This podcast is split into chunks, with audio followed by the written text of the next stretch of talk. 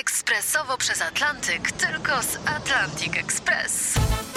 Z nami wyślesz co chcesz, kiedy chcesz, do kogo chcesz i to o 40% taniej. W Atlantic Express wysyłamy wszystko. 1 800 775 7363. Mienie przesiedleńcze, kontenery, paczki do Europy. Atlantic Express o 40% niższe ceny na wysyłki kontenerów, samochodów i paczek.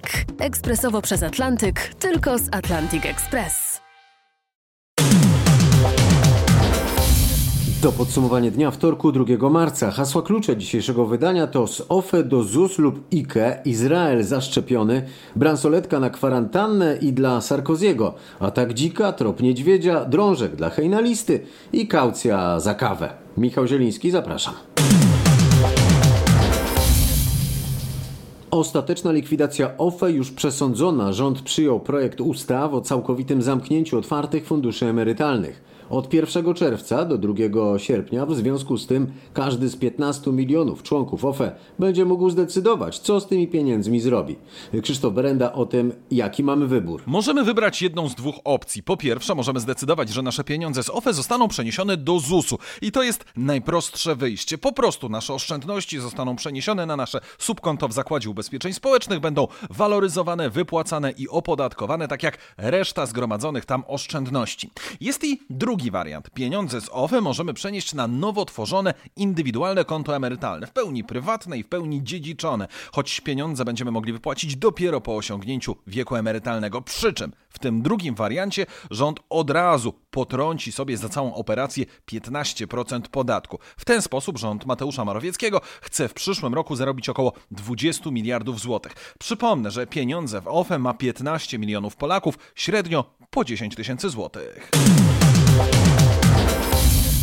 Niemal 8 tysięcy nowych zakażeń i ponad 200 ofiar śmiertelnych to dane z ostatniej doby dotyczące pandemii w Polsce. Tomasz Skory o tym, czy ten raport potwierdza, że zagrożenie rośnie. Niestety tak i to bardzo dobitnie. 216 zgonów z powodu koronawirusa to wskaźnik zdecydowanie wyższy niż w ostatnich dniach, chociaż nieco niższy niż tydzień temu. Niespełna 8 tysięcy zakażeń to już jednak ponad 1600 przypadków więcej niż we wtorek przed tygodniem. Dla porównania także wczoraj dzienna liczba zakażeń była wyższa o prawie 900 niż tydzień wcześniej. Do tego dochodzą też rosnące ostatnio o kilkaset osób dziennie wskaźniki zajętych koronawirusowych miejsc w szpitalach. Wczoraj o prawie 500, przedwczoraj niemal o 400.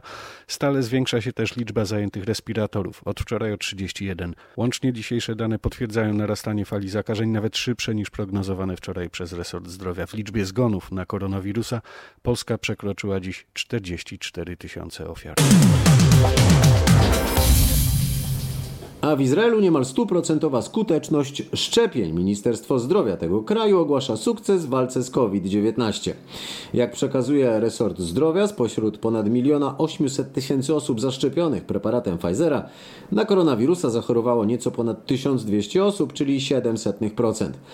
Według resortu zdrowia Izraela dane te mogą i tak być nieco zawyżone. Ponad połowa z zakażonych doznała bowiem infekcji w ciągu 14 dni od zaszczepienia, czyli przed pełnym wykształceniem E, poszczepiennej odporności.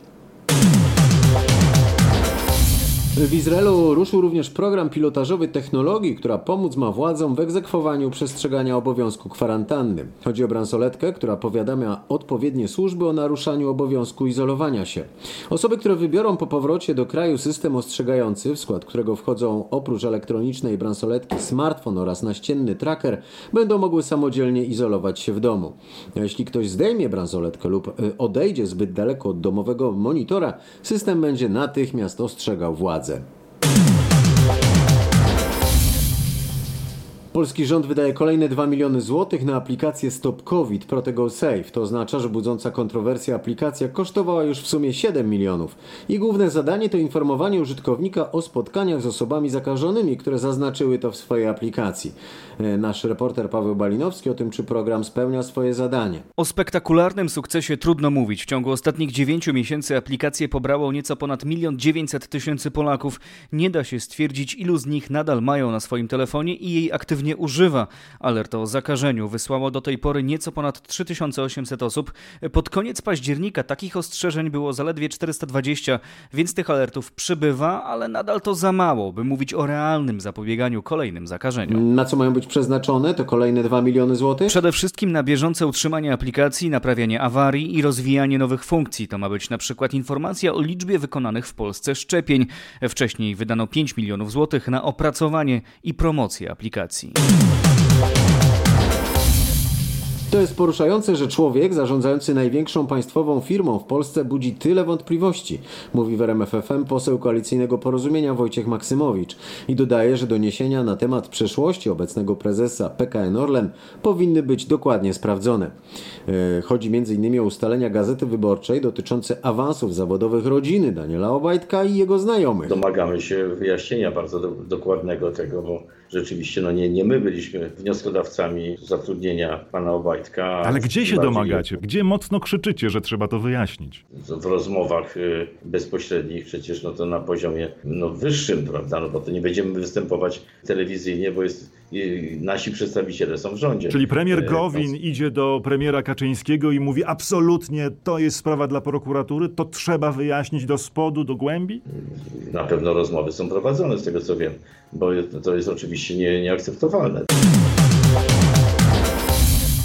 Czy były prezydent Francji trafi za kratki? To pytanie stawia paryska prasa po tym jak wczoraj francuski sąd skazał Nicolasa Sarkoziego na 3 lata więzienia, w tym dwa w zawieszeniu za korupcję. Więcej na ten temat z Paryża Marek Gładysz. Komentatorzy podkreślają, że Nicolas Sarkozy odwołał się od wyroku, a więc o jego losie zdecyduje sąd apelacyjny. Jednakże nawet jeżeli ten ostatni potwierdzi wyrok sądu pierwszej instancji, to jest bardzo mało prawdopodobne, by były szef państwa trafił do więzienia. Eksperci sugerują, że mógłby zostać poddany nadzorowi elektronicznemu, to znaczy nosić bransoletkę elektroniczną, dzięki której ograniczono by po prostu jego swobodę poruszania się. Nie zmienia to jednak faktu, że Sarkozy jest pierwszym byłym prezydentem Francji skazanym na karę więzienia bez zawieszenia.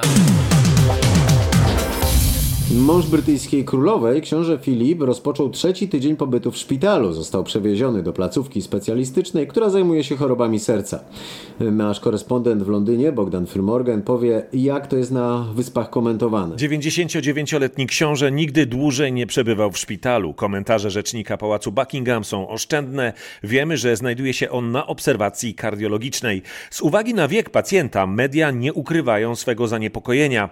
Pojawiły się nawet głosy wzywające wnuka królowej, księcia Harego, do odwołania emisji wywiadu, jakiego wraz z żoną, księżną Meghan, udzielili amerykańskiej telewizji CBS. Pada w nim wiele kłopotliwych dla rodziny królewskiej pytań. Inni komentatorzy oceniają tę sytuację zgoła odmiennie. Ich zdaniem królowa Elżbieta II z uwagi na stan zdrowia męża ma teraz większy problem niż jakiś tam marketingowy wywiad książęcej. Kolejne nowelizacje ustawy o Krajowej Radzie Sądownictwa mogą naruszać unijne prawo. Trybunał Unii Europejskiej stwierdził w werdykcie, że nowelizacje pozbawiły kandydatów do Sądu Najwyższego możliwości odwoływania się od negatywnych uchwał KRS. Nasza korespondentka w Brukseli, Katarzyna Szymańska-Berginą, powie, czy ten wyrok oznacza, że spór jest już rozstrzygnięty. Ponieważ jest to wyrok w sprawie pytania prejudycjalnego, ostatecznej oceny musi dokonać sąd krajowy, czyli w tym wypadku Naczelny Sąd Administracyjny, który zadał to pytanie, bo miał wątpliwości. W swoim wyroku CUE daje wyraźne wskazówki. Uważa, że kolejne modyfikacje ustawy o KRS mogą naruszać unijne prawo, bo pozbawiają proces nominacji sędziów skutecznej kontroli, czyli możliwości odwoływania się. W wyroku stwierdzono także, że dominuje zasada pierwszeństwa prawa unijnego, czyli jeżeli NSA stwierdzi, że te zmiany ustawy o KRS naruszyły unijne prawo, to musi odmówić ich stosowania, po prostu wyrzucić je do kosza i sam rozstrzygnąć ten spór, bo jest właściwym do tego organem, pomimo że nowelizacje ustawy o KRS pozbawiły go tej kompetencji. Może się okazać, że mamy w Sądzie Najwyższym grupę osób, która tylko przebiera się za sędziów Sądu Najwyższego. Tak ten dzisiejszy wyrok Trybunału Sprawiedliwości Unii Europejskiej komentują pełnomocnicy sędziów, którzy zaskarżyli procedurę konkursową. Ile paliwa miał śmigłowiec, który tydzień temu rozbił się w lesie w pobliżu Pszczyny, to chce ustalić prokuratura, która prowadzi śledztwo w tej sprawie. W katastrofie zginął 80-letni znany śląski przedsiębiorca oraz pilot. Dwie inne osoby zostały ranne. Anna Kropaczek o tym, dlaczego śledczy będą sprawdzać ilość paliwa. Chodzi o ustalenie, czy ilość paliwa, która była w baku, pozwalała na dalszy lot na inne lądowisko, czy pilot był zmuszony lot zakończyć. Bak nie został uszkodzony, więc będzie można to sprawdzić. Jak powiedział mi prokurator rejonowy w Pszczynie, to standardowe badanie. Śledczy przesłuchali już dwie osoby, które przeżyły katastrofę, ale nie ujawniają treści ich zeznań. Zabezpieczona jest też czarna skrzynka. Jej zapisy ma przeanalizować Państwowa Komisja Badania Wypadków Lotniczych. Prokuratura zleciła także zabezpieczenie nagrań z monitoringu w okolicy, w której doszło do wypadku, aby uściślić informacje na temat warunków pogodowych w chwili katastrofy. Wiadomo, że była wtedy gęsta mgła. Kobieta, która zdemolowała stację benzynową w Rymaniu w zachodniopomorskiem była pod wpływem narkotyków. Do wyników badań krwi dotarła nasza reporterka Aneta Łuczkowska, która wyjaśni co one mówią i co to oznacza dla podejrzanej. Badania wykazały, że Katarzyna A. była pod wpływem amfetaminy i marihuany. Wykazane w badaniu stężenie sugeruje, że kobieta zażyła sporo amfetaminy, a tak zwaną trawkę wypaliła w nieodległym czasie od jej zatrzymania. Czekają teraz rozszerzenie zarzutów o kierowanie pojazdem pod wpływem narkotyków. To jednak wydarzy się dopiero po posiedzeniu sądu, na którym ten będzie rozpatrywać wniosek o jej tymczasowy areszt. 37-latka usłyszała wczoraj zarzuty m.in. uszkodzenia mienia i narażenia pracowników stacji na niebezpieczeństwo. Grozi jej 5 lat więzienia. Prokurator wnioskuje o 3-miesięczny areszt, bo Katarzyna A. nie ma w Polsce stałego miejsca pobytu. Kobieta mieszka w Holandii. Atak dzika w centrum Zabrza. Ranny został przechodzień. Wezwani na miejsce policjanci musieli zastrzelić zwierzę. Nasz reporter Marcin Buczek był przed Śląską Komendą Policji w Katowicach, gdzie dowiadywał się, co z rannym i jak doszło do tego ataku. Mężczyzna został karetką odwieziony do szpitala. Miał kilkucentymetrową ranę szarpaną nogi. Najpierw dzik został potrącony przez samochód. W chwilę potem zwierzę zraniło przechodnia. Kiedy na miejscu pojawili się policjanci, dzik zaatakował także ich. Dlatego jeden z policjantów oddał w stronę zwierzęcia cztery strzały, a wszystko to działo się dziś rano w centrum Zabrza, na głównej ulicy w mieście, w pobliżu m.in. szkoły i przedszkola. W obronie dzika stają wielbiciele zwierząt. Tłumaczą, że mają one kłopoty z dostosowaniem się do szybko zmieniających się warunków. Jacek Wasiński ze Śląskiego Pogotowia Leśnego podkreśla, że oczywiście jeśli zwierzę zaczyna stanowić zagrożenie dla ludzi, można je odstrzelić. Jak dzik już szarżuje, to powiem szczerze, że złotego środka nie ma, bo normalnie w lesie by było powiedziane uciekaj na drzewo. Mhm. E, no tutaj na pewno musimy się próbować gdzieś schronić w jakimś miejscu, nie wiem, wejść do klatki, Mhm. jak jest to gdzieś przy bloku, e, no stanąć gdzieś za jakąś barykadą typu, nie wiem, e, e, miejsce na, na, na kosze na świeci, no jeżeli to zwierzę było już rozjuszone, to dla niego to jak gdyby już było e, obojętne, tak, z kim i dlaczego on walczy. W sensie coś się musiało wydarzyć, że dzik podjął taką, taką decyzję, bo to są zwierzęta bardzo, bardzo inteligentne i naprawdę e, dość mocno trzeba by mu wejść, mówiąc tak kolokwialnie, e, za skórę, żeby, żeby to zwierzę atakowało i szarżowało na człowieka. To ja muszę teraz zadać kolejne pytanie, czy w takiej sytuacji jest jakaś szansa, że takiego dzika można po prostu uspokoić, jakby powiedzieć mu, e, drogi dziku, opanuj się, nic złego się nie dzieje, wracaj do lasu, my ci krzywdy nie zrobimy.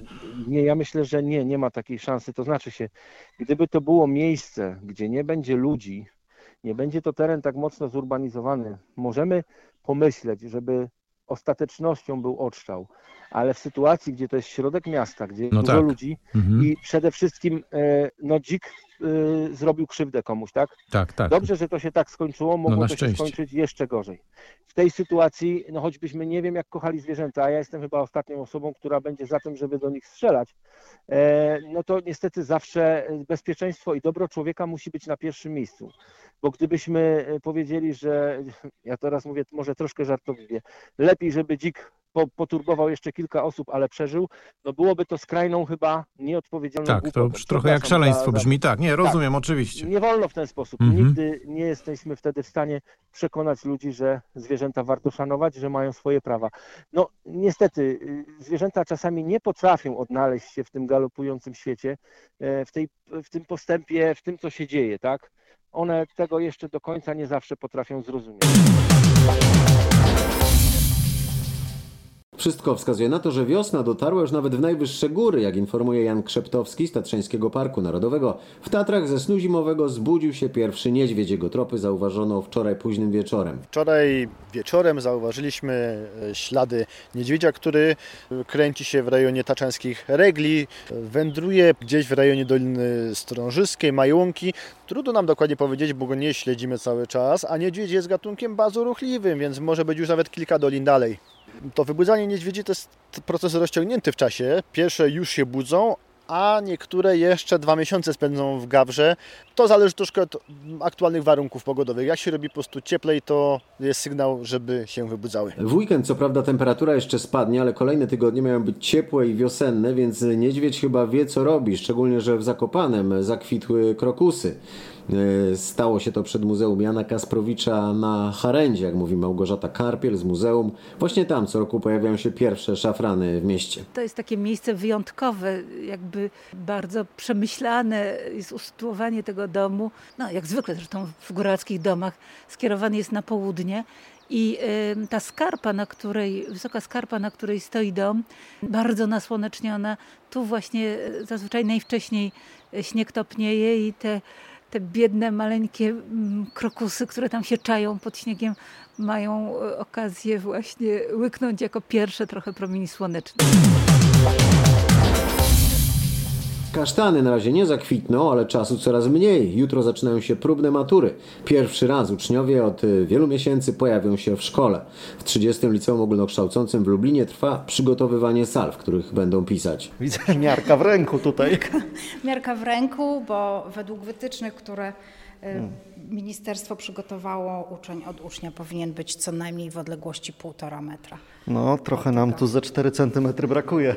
A jeszcze mamy. Jest zapas gdzie? Jest zapas, tak. Mamy gdzie przesunąć, także całe szczęście. Czyli to wcale nie jest, mówiąc krótko, ściemnianie, tylko rzeczywiście wybiegacie z miarkami i mierzycie od.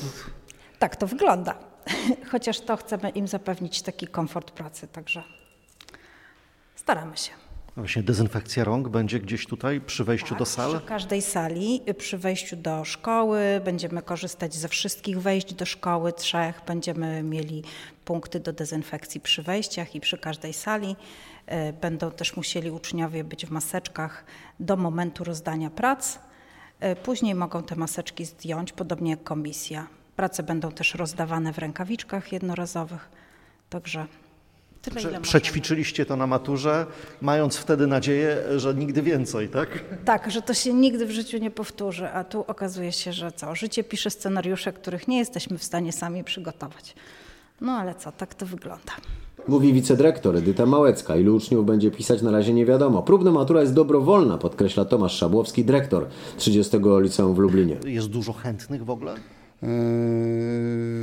Nie mamy informacji, żeby ktoś nie był chętny do pisania. Mamy pojedyncze osoby, które gdzieś tam w poszczególne dni nie mogą i takie informacje mamy.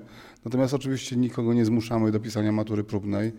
Jest to dla nich, ale oni chyba w większości chcą po prostu sprawdzić się. No, wiedzą, że to jest dla nich ważny egzamin w życiu i, i chcą do tego podejść na poważnie i chcą się do tego dobrze przygotować. A jednym z elementów przygotowania do, do, tego, do, tego, do tej matury właściwej jest też matura próbna. Ona ma też na celu właśnie pokazania, gdzie będą pisali, jak będą pisali, jak będzie wyglądał arkusz. Że nie sam wynik na tej maturze jest ważny, tylko ten, ta całość. Ta otoczka, żeby zobaczyć, z czym to się je, tak? No tak, właśnie o, o tym właśnie mówię. No właśnie, tu mamy tą jedną salę. Tych sal ile tu przygotowaliście? Yy, w sumie sal mamy 12. Z tym, że na przykład w jednej sali pisze jeden uczeń tylko, bo to taka komisja specjalna. Yy, uczeń ma specy, specyficzne potrzeby, w związku z tym yy, w sumie 12 sal yy, pisze u nas prawie 160 uczniów w całej szkole. Dokładnie 100 lat temu, 2 marca 1921 roku w Lwowie urodził się Kazimierz Górski. To najwybitniejszy polski trener piłkarski i twórca największych sukcesów reprezentacji Polski. Prowadzona przez niego kadra zdobyła Mistrzostwo Olimpijskie w 1972 roku. Dwa lata później zajęła trzecie miejsce na Mistrzostwach Świata, a w 1976 roku wywalczyła na Igrzyskach srebrny medal. Miał autorytet i wszyscy go szanowali, opowiada w rozmowie z RMFFM król strzelców mundialu z 1974 roku Grzegorz Lato. Jak dodaje Kazimierz Górski, umiejętnie korzystał z pomocy swoich asystentów Jacka Gmocha i Andrzeja Strejlała. Słuchał jednego, słuchał drugiego, robił po swojemu i wszyscy zachodzili w głowę. A co on robi? Jakie zmiany? A tu się okazuje, że wszystkie zmiany, które zrobił cokolwiek, to były trafione idealnie w dziesiątkę. No i powiem, jak on to yy, zrobił? No niestety, w trenerce trzeba mieć też oprócz umiejętności wiadomości to musi mieć ten nosa, kogo wstawić, jak ustawić skład. Lesław Cimikiewicz, który Kazimierza Górskiego poznał jeszcze jako junior, a później był ważnym ogniwem e, reprezentacji, mówi, że Górskiemu należy się wdzięczność. To był wspaniały człowiek i jesteśmy mu winni szacunek, winniśmy mu pamięć jako trenerowi, wychowawcy, autorytetem był dla nas i winniśmy mu jeszcze i wdzięczność za dokonania. No, wszystko co najlepsze w polskiej piłce nożnej to ja zdobyłem dzięki trenerowi Górskiemu. W Warszawskim Muzeum Sportu i Turystyki otwarto dziś wystawę poświęconą Kazimierzowi Górskiemu. Dla nowego selekcjonera piłkarskiej reprezentacji Polski nadchodzi pracowity czas. Paulo Souza jest już w Polsce i w najbliższych dniach ma z trybun obserwować mecze Pucharu Polski oraz Ekstraklasy. Wojciech Marczyk z redakcji sportowej o tym, gdzie na trybunach pojawi się Portugalczyk. Sousa będzie obserwował mecz Pucharu Polski w Poznaniu pomiędzy Lechem a Rakowem. W środę pojawi się zaś na trybunach przy Łazienkowskiej w Warszawie, by zobaczyć mecz Legii z Piastem w Pucharze Polski. Portugalczyk będzie na pewno chciał przyjrzeć się z bliska Bartoszowi Kapustce, który ostatnio jest w bardzo dobrej dyspozycji. W weekend Sousa będzie oglądał również mecze w Ekstraklasie. Portugalski selekcjoner w Polsce zostanie do początku zgrupowania, które rozpocznie eliminację do Mistrzostw Świata, a pierwsze powołania nowego selekcjonera mamy poznać pod koniec tygodnia.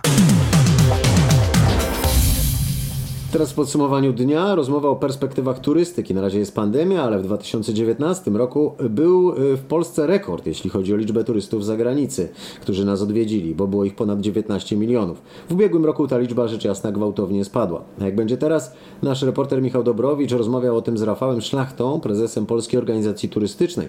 Jak się okazuje, y, mogą odwiedzić nas głównie turyści z krajów graniczących z Polską, podobnie jak rok temu tak było, że w zeszłym roku akurat to były kraje rzeczywiście ościenne. Mówimy tutaj o Niemczech y, czy Czechach, y, czy to co, to, co rzeczywiście jest wokół nas i ten trend na pewno się utrzyma. Ludzie jeszcze na początku będą się bali długich podróży i tak y, wiemy o tym, to największy ruch będzie sam w środku, czyli Polacy w Polsce, ale też kraje ościenne. Dalekie podróże to jest bardzo mały ułamek tego wszystkiego, co się będzie działo i na to się skłaniamy, ale też mówimy o współpracy z krajami, które są w zasięgu tak zwanego wyjazdu samochodem bardzo często, bo to dość modny teraz sposób, czyli tam, gdzie możemy ogólnie dojechać w ciągu jednej, jednej jakby dnia, doby e, do tego miejsca, to są te kraje, do których jeszcze pojedziemy.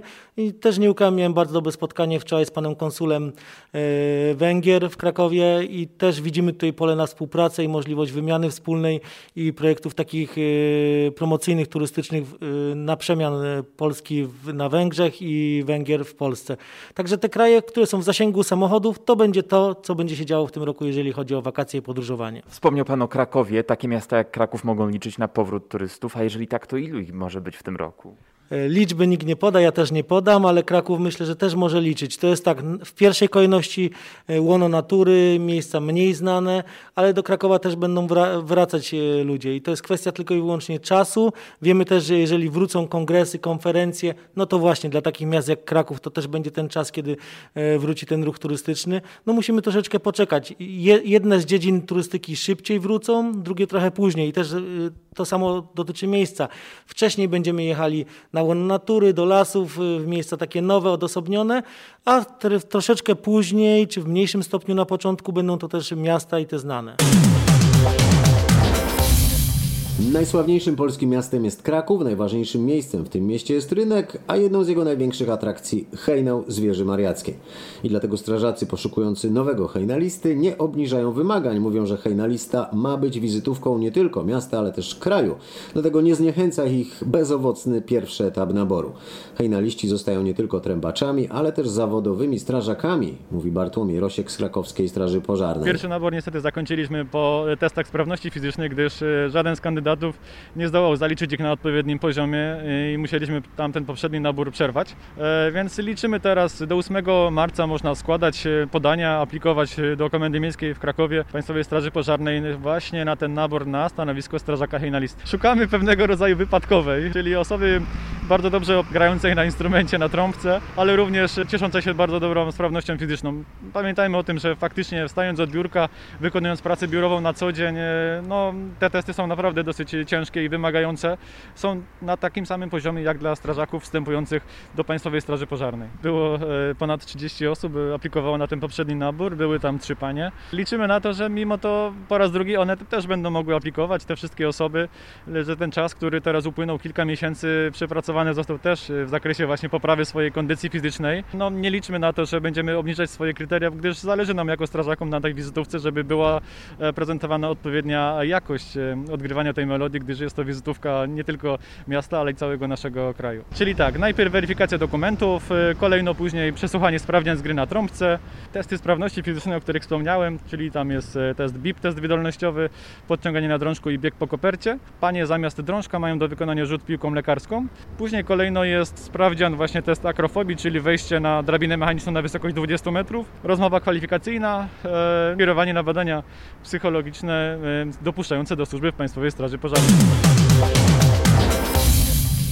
Kawiarnie z Opola chcą ograniczyć ilość wytwarzanych śmieci i wprowadzają system kaucyjny. Kupując kawę czy herbatę na wynos płaci się 5 zł kaucji, a pieniądze dostaje się z powrotem po oddaniu kubka, który będzie użyty Bierze ponownie. sobie pan swoją kawę czy herbatę do tego kubka, idzie pan do pracy, na uczelnię, do sklepu, na zakupy, wypije pan swój napój, oddaje pan kubek w dowolnej kawiarni, która ma tą naklejkę na drzwiach, że też jesteśmy partnerami i tam dostaje pan z powrotem tą swoją kaucję. Może pan oczywiście wziąć kubek do domu, następnego dnia wrócić z nim po kolejny ciepły napój. Kubek jest myty i wyparzany. Jeden kubek ma za zadanie zastąpić od 500 do 1000 kubków jednorazowych. naszemu reporterowi menadżerka jednej z opolskich kawiarni. To już wszystko w dzisiejszym podsumowaniu dnia. Dziękuję za uwagę. Do usłyszenia. Do jutra.